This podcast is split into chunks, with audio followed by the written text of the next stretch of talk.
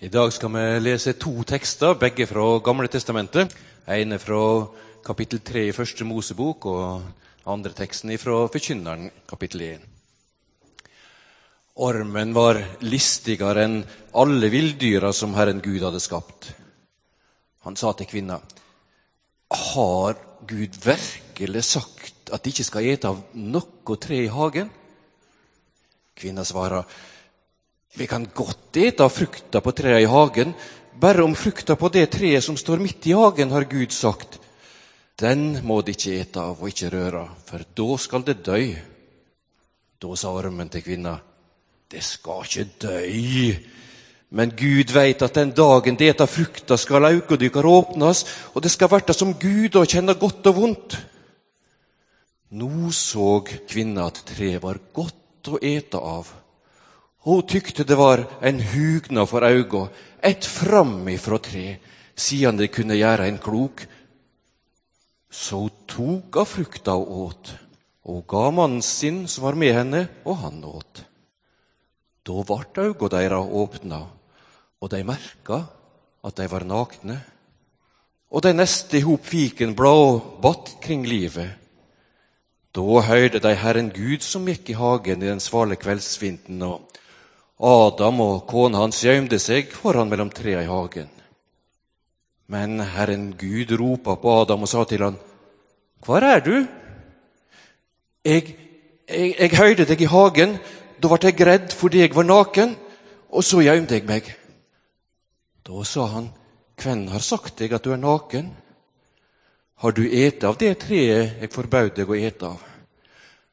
Adam svarer, Kvinna som du setter til å være hjå meg, hun ga meg av treet, og jeg åt. Herren Gud sa til kvinna, Hva er det du har gjort? Kvinna svarer, Ormen lokka meg, og jeg åt. Da sa Herren Gud til ormen, Fordi du gjorde dette, skal du være forbanna framfor alt fe og alle ville dyr.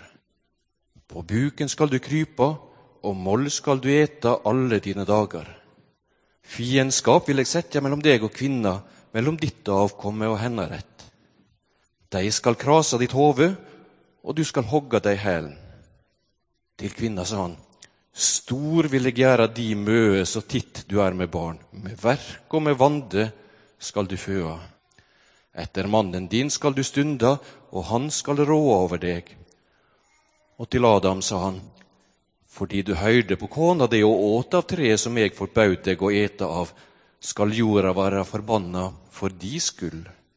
Med møe skal du nære deg av henne alle dine levedager.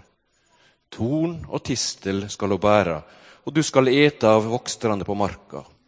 Med svette i andletet skal du ete ditt brød til dess du fær i jorda For av henne er du teken, jorda er du, og til jord skal du atter verta. Og så fortsetter vi i Forkynneren. Orda forkynneren, sønn til David, konge Jerusalem. Bare fåfengt, sier forkynneren. Bare inderlig fåfeng. Hva vinning har mennesket av alt sitt strev, som det møer seg med under sola? Etter går og etter kjem, men jorda står alltid ved lag. Slik lyder Herrens ord. Hei, navnet mitt er Tom. Jeg jobber til daglig på universitetet. Og eh, for tida så er jeg leder på et institutt med ca. 60 ansatte og 600 studenter. Og jeg trives veldig godt der. Blant de 60 ansatte så tror jeg vi har i hvert fall 15 nasjonaliteter. Og vi har ulike religioner, vi har ulike livssyn, til og med agnostikere og ateister. Men på tross av ulik bakgrunn så merker jeg at folk har respekt for ting når det gjelder tro. Det kan godt tenkes at det er litt mer utfordringer når det gjelder kultur. Men på universitetet så er det mange som jobber med forskning. Og kritisk tenkning er en viktig egenskap og viktig verdi som de fleste har og skal ha. Men hos noen så merker jeg at deler, altså at den kritiske tenkningen går over til skepsis. og i andre deler av livet enn det som forskningen deres handler om. Vi jobber jo med vitenskap og modeller for hvordan verden har blitt til, hvordan den henger sammen.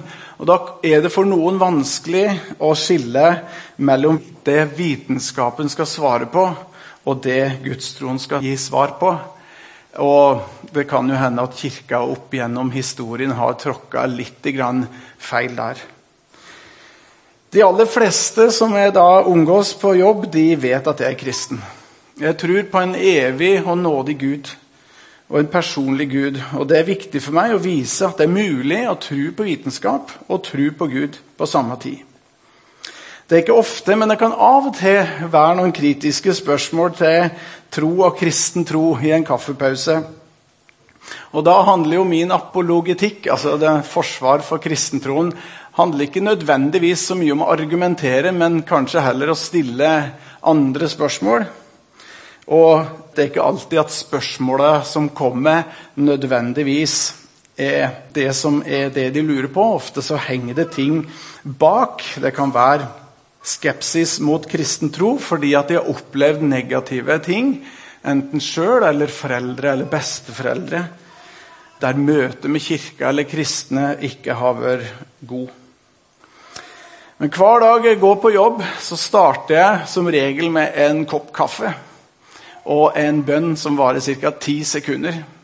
Og den bønna er slik Herre, gjør meg til redskap for din fred. Og Det er starten på Frans av Assisis bønn. Og Den bønnen er en påminnelse på hvem jeg hører til. Og den skaper også en forventning inni meg som er litt sånn at eh, Hvor har du tenkt å bruke meg i dag? Hvem er det jeg skal møte, og på hvilken måte? Og så går jeg med et usynlig armbånd. Hvis du ser her, så ser du det. Det var usynlig, da. ja. Eh, men på den så står det WWJD. Jeg vet ikke om dere husker det, eller har unger eller ungdommer som har gått med et armbånd som da ikke var usynlig, men som var synlig. Som det sto WWJD. What would Jesus do? Hva ville Jesus gjort? Og den har jeg med meg. Det er ikke sikkert at jeg får veldig mye støtte i det når jeg møter valg om hvilke roboter vi bør satse på, eller hvilken algoritme vi bør gjøre inni vår kunstig intelligens. Men siden jeg da har eh, jeg har en lederfunksjon og har personallederfunksjon, så er det ofte at jeg kan ha samtaler som handler om relasjonelle ting, eller møte folk med følelser. Faktisk har folk følelser på universitetet, folkens. Det er helt sant. Og Det kan være vanskelige samtaler, og da er den WWJ det utrolig god å ha med. Hvordan ville Jesus møtt noen som sliter på jobben? Hvordan ville Jesus møtt noen som kanskje har tatt seg til rette, eller gjort ting de kanskje ikke skulle? Hvordan kan det være tydelig samtidig som mennesker opplever å bli sett og hørt og tatt på alvor? Og Der er Jesus min ledestjerne. Men han er mer enn en ledestjerne. Han er òg den som viser nåde. Og nåden, den gjelder òg meg. Jeg vet at det her høres veldig flott ut og veldig prektig ut, men jeg må innrømme at ikke alle dager er like. Og jeg har sjøl tråkka i bare gang etter gang. Det er ikke alle dager det er like kjekt å være i nærheten av denne karen. Og Da er det utrolig fantastisk å vite at jeg kan komme til en nådig Gud. Jeg kan få innrømme feil. Jeg kan få legge det fra meg. Jeg kan få ta et oppgjør. Jeg kan få si unnskyld eller be om tilgivelse der det er riktig. Og jeg kan få begynne på nytt. Jeg kan få et glimt av meg sjøl slik Gud ser meg. Og når det er der, så har jeg en helt annet blikk på mennesker rundt meg. Og det tror jeg faktisk merkes på omgivelsene. Nåde handler ikke om å gjøre folk flinke eller snille. Nåde handler om å sette mennesker fri. Ikke fri fra ansvar, men fri fra skyldfølelse og skyld. Hvis vi kan ta det med oss i hverdagen, både hjemme og på jobb, så tror jeg at eh, verden kan bli en annen plass å, å være. Og Gud kan få vise hvem han virkelig er, gjennom slike som deg og meg. Takk skal du ha, Tom. Vi er eh, midt inne i en serie her i Bymenigheten der vi snakker om forholdet mellom troen og hverdagslivet. Og nå spesifikt om arbeidslivet. Troen i arbeidslivet. Og vi har fått et veldig godt eksempel på, på hvordan dette henger sammen. Og det hjelper oss å ha sånne vitnesbyrd som dette fra Tom. Takk skal du ha. For de ser relevansen og sammenhengen. Og Det er ikke alltid en selvfølge. Spesielt hører vi nå undersøkelser som sier at unge mennesker på vei inn i voksenlivet de eh, mister gjerne ofte troen fordi at de ikke skjønner at det har noe med voksenlivet å gjøre. Og ikke minst så opplever de at så mye av livet handler om det å bli en profesjonell, det å komme inn i et yrke og et arbeid, og så forstår de ikke at det har sammenheng med livet selv.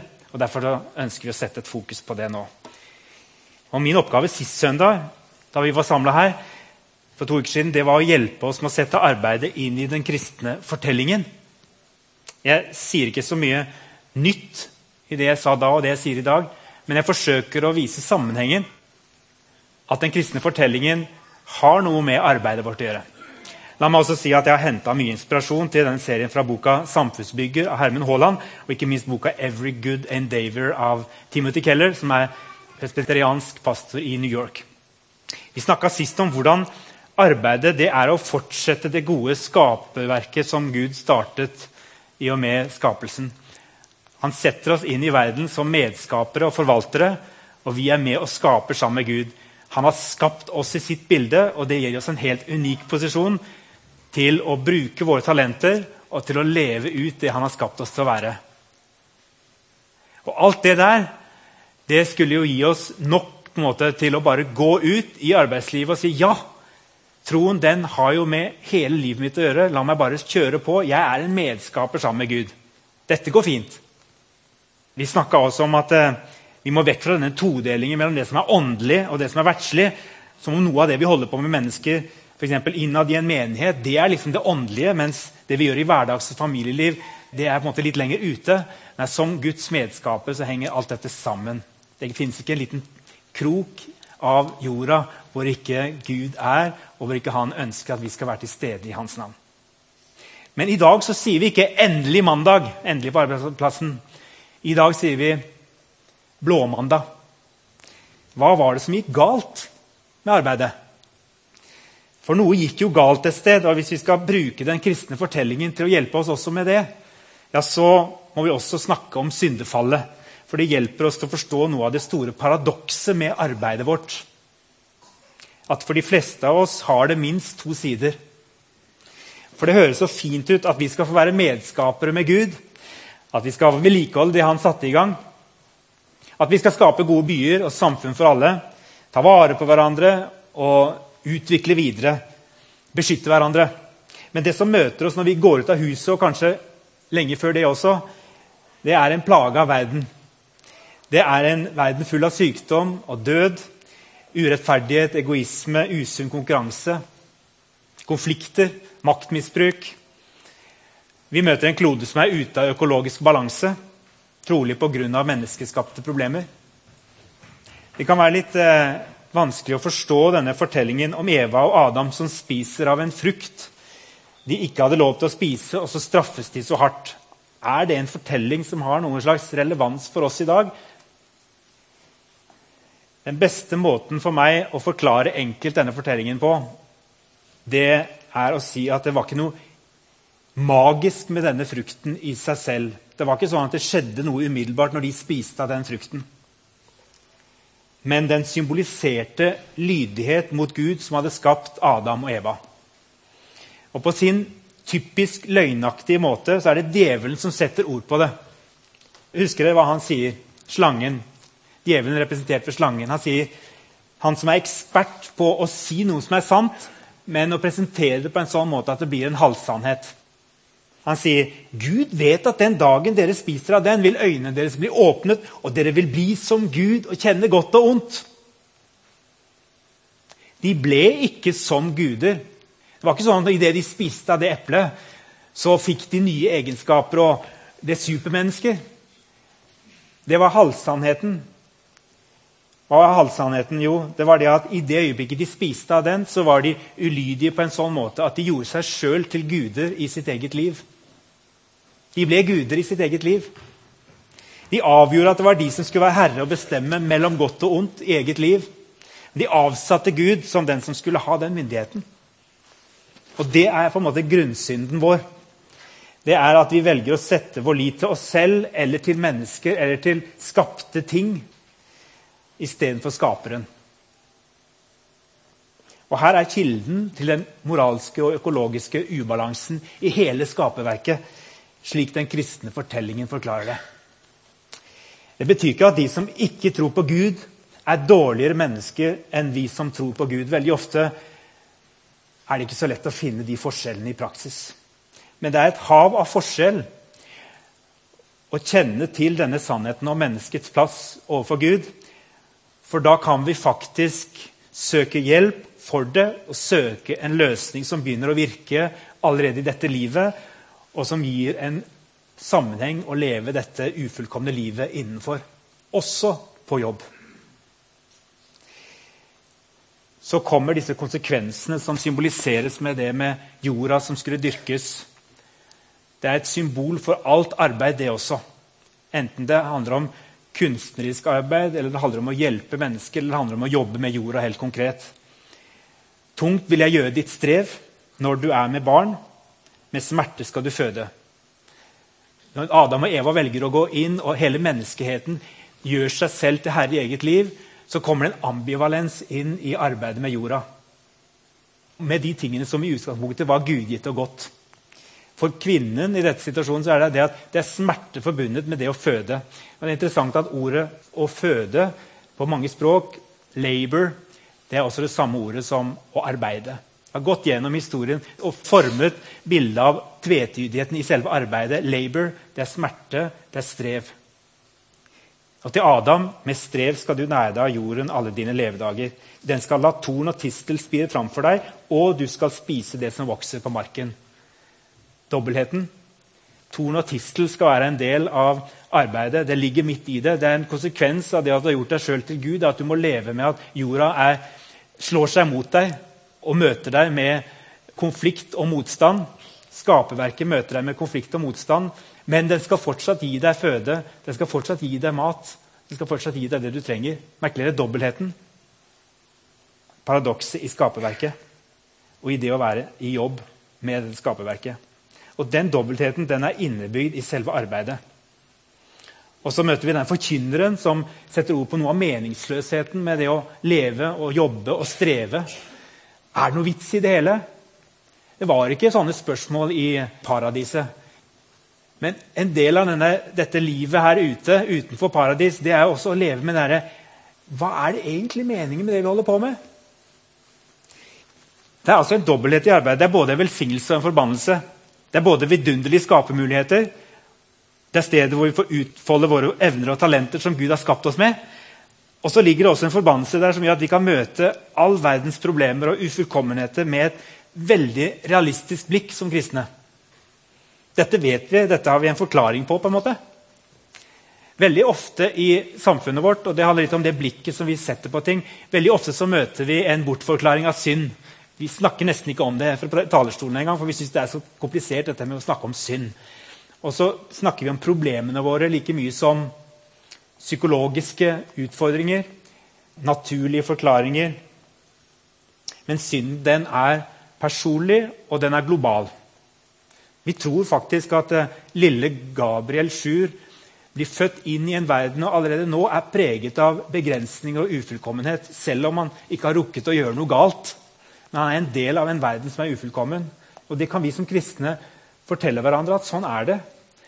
Han trenger å bli frelst allerede når han er et lite barn. Han trenger en himmel over seg, en gud i sitt liv, som han av naturen er vendt bort ifra, og som han skal trekkes tilbake til. Og Den prosessen begynner allerede mens han er et lite barn. Alle områder av livet er påvirket av ubalansen. Det åndelige, det fysiske, det sosiale, det kulturelle, det psykologiske. Det politiske, ikke minst. Derfor fins det sjelden ideelle politiske løsninger på problemer i denne verden. Fordi vi er alle mer eller mindre fanget av våre begrensninger, av vår blindhet. Men for oss som er kristne, så handler det også om en erkjennelse av dette at sånn er det.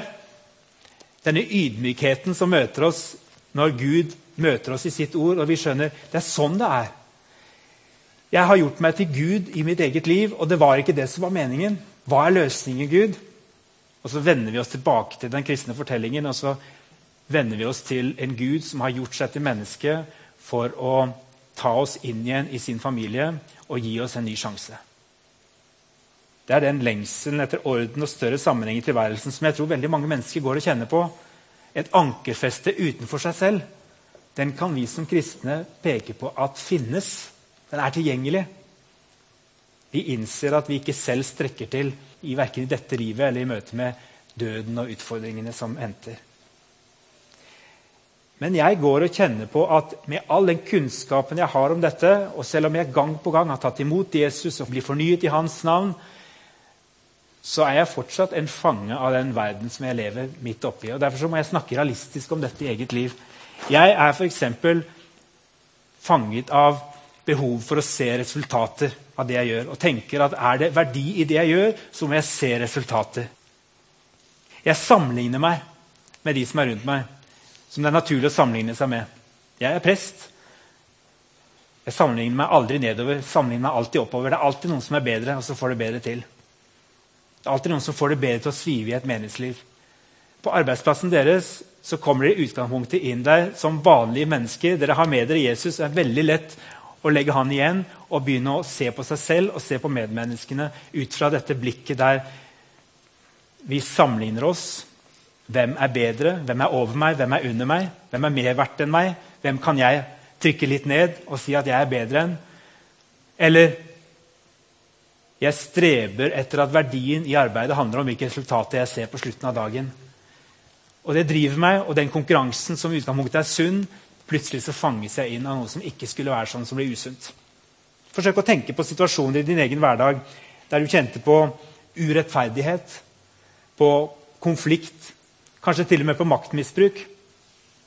Der ideal og virkelighet krasjer, der du gjør alt for at det skal bli bra og godt nok, men du opplever at det ikke blir resultater av det, enten fordi du sjøl ikke er god nok, eller fordi du må leve med disse andre som ikke er med på det du vil, og som ikke gjør det på den måten du ønsker.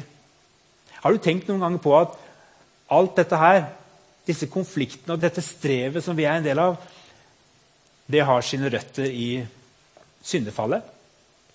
I det at vi er mennesker som lever midt imellom på en måte to virkeligheter.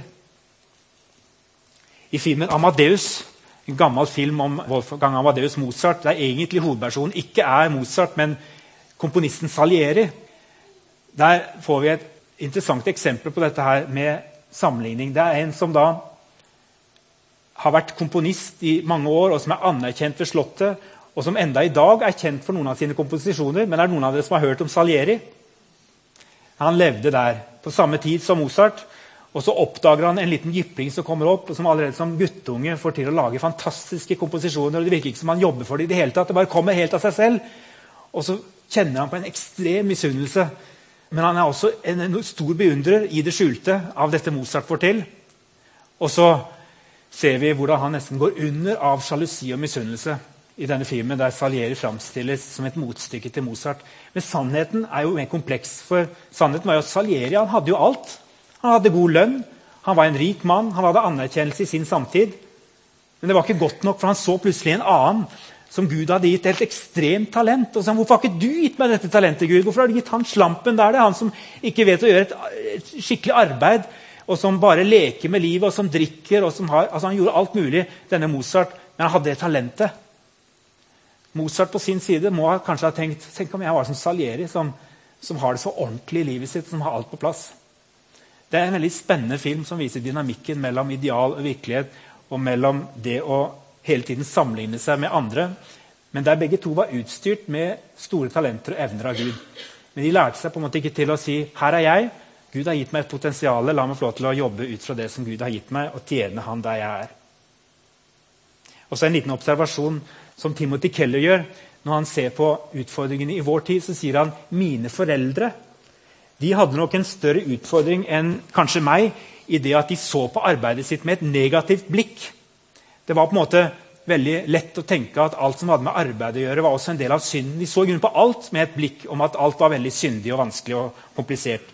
Og de skulle se nesten litt ned på seg selv og sin egen rolle i skaperverket. De hoppet rett i kapittel 3 i første Mosebok og glemte at de var skapt i Guds bilde til å forvalte og til å, å gjøre store ting. Så sier han mine barn sier han, kan kanskje tendere til å gå litt i motsatt retning.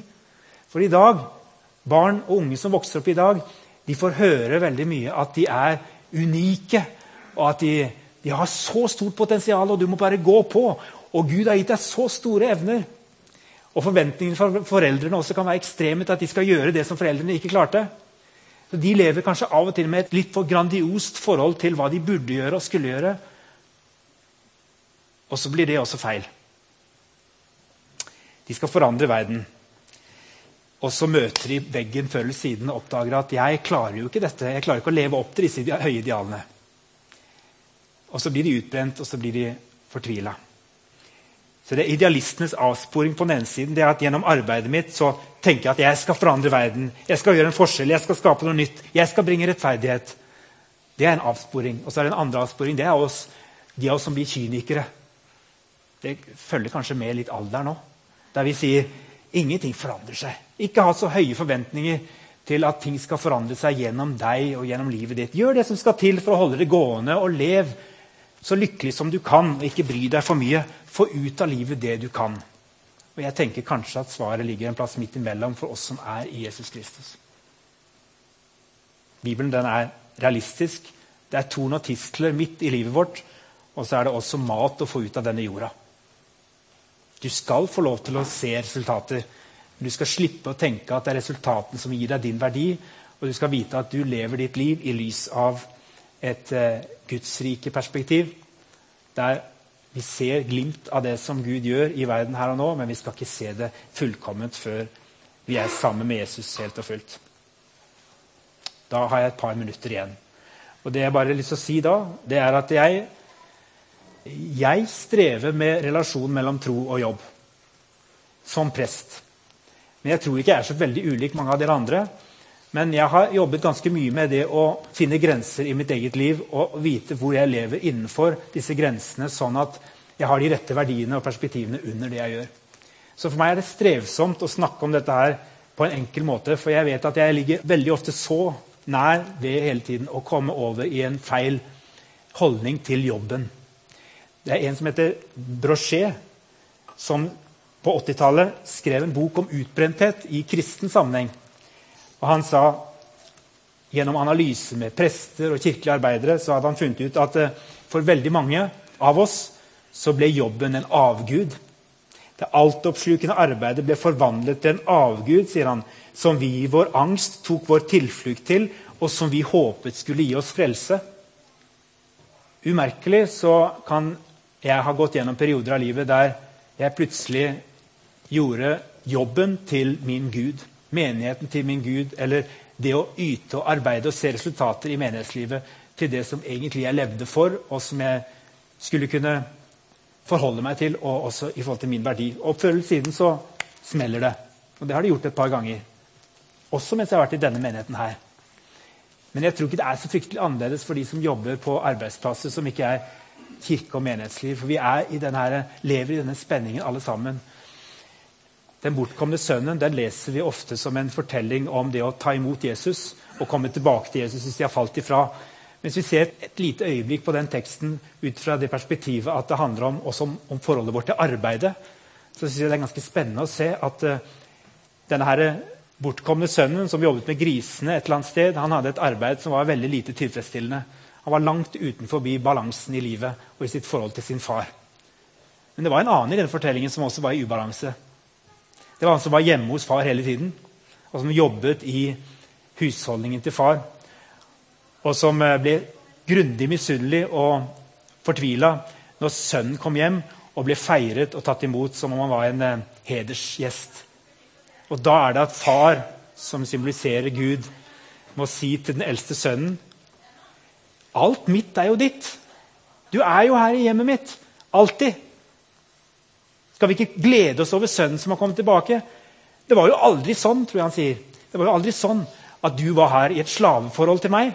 Du er et mitt barn. Du har vært mitt barn hele tiden. Og alt det du har gjort inni dette hjemmet, det har du gjort i full frihet. Om vi kunne få lov til å ha det forholdet til jobben vi gjør, hvis vi er i stand til å gå på jobb. Hvis vi er i stand til å tjene og yte noe til samfunnslivet. Alt mitt er ditt. Skaperverket mitt er ditt. Du er her. Jeg har allerede frelst deg. Jeg har gitt deg alle de gaver du trenger. Jeg har reist deg opp. Du skal ikke behøve å tynges av synden lenger og holde deg nede i selvforakt. Du skal få lov til å tjene Gud og de neste i frihet. Alt mitt er ditt. Du er ingen slave. Du er mitt barn. Skal vi klare dette, her, så trenger vi å hjelpe hverandre på arbeidsplassen. Og Det rådet som Hermund Haaland ga til oss på møtet for en uke siden, han som har skrevet denne boka om samfunnsbygger, han sier finn deg to til tre på arbeidsplassen din som tror at det finnes en Gud over tilværelsen. Be gjerne en bønn, sånn som Tom gjør på begynnelsen av dagen. Gjør meg til et redskap for din fred. Men det kan være godt også å snakkes med en eller to på arbeidsplassen hvis du har noen andre som deler troen. Be en enkel bønn sammen med dem, kanskje lese en tekst. Sett av den tiden, fordi det hjelper deg til å hele tiden se at det henger sammen. Det du gjør på jobben, og det du lever ut som en kristen etterfølger, en disippel. Og Så trenger vi også dette i familielivet og i hverdagslivet. Det snakker vi om etter hvert. Skal vi be.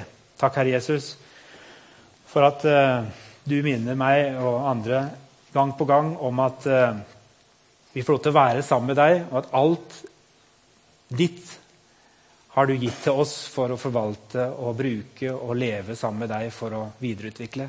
Takk for den friheten som det gir å få lov til å vite at eh, vi ikke er konger og guder i eget liv. At vi får lov til å legge av, av oss det åket og si 'du er herre i vårt liv'. La oss få kjenne at det er en frihet, at det er ikke en, eh, en vanskelig forsakelse. La oss få lov til å leve i nåden, som vi hørte, i hvilepulsen. Frie til å tjene deg og tjene vår neste vitende om at vi synder og gjør gale ting og bidrar til konflikter og problemer. Men vi skal også få lov til å kjenne nåden og fornyelsen som kommer når vi søker deg i bønn og ber om din nåde og kraft til å leve litt og litt mer sånn som du ønsket det. For vårt eget liv, for vår familie og det samfunnet vi er en del av. I Jesu navn. Amen.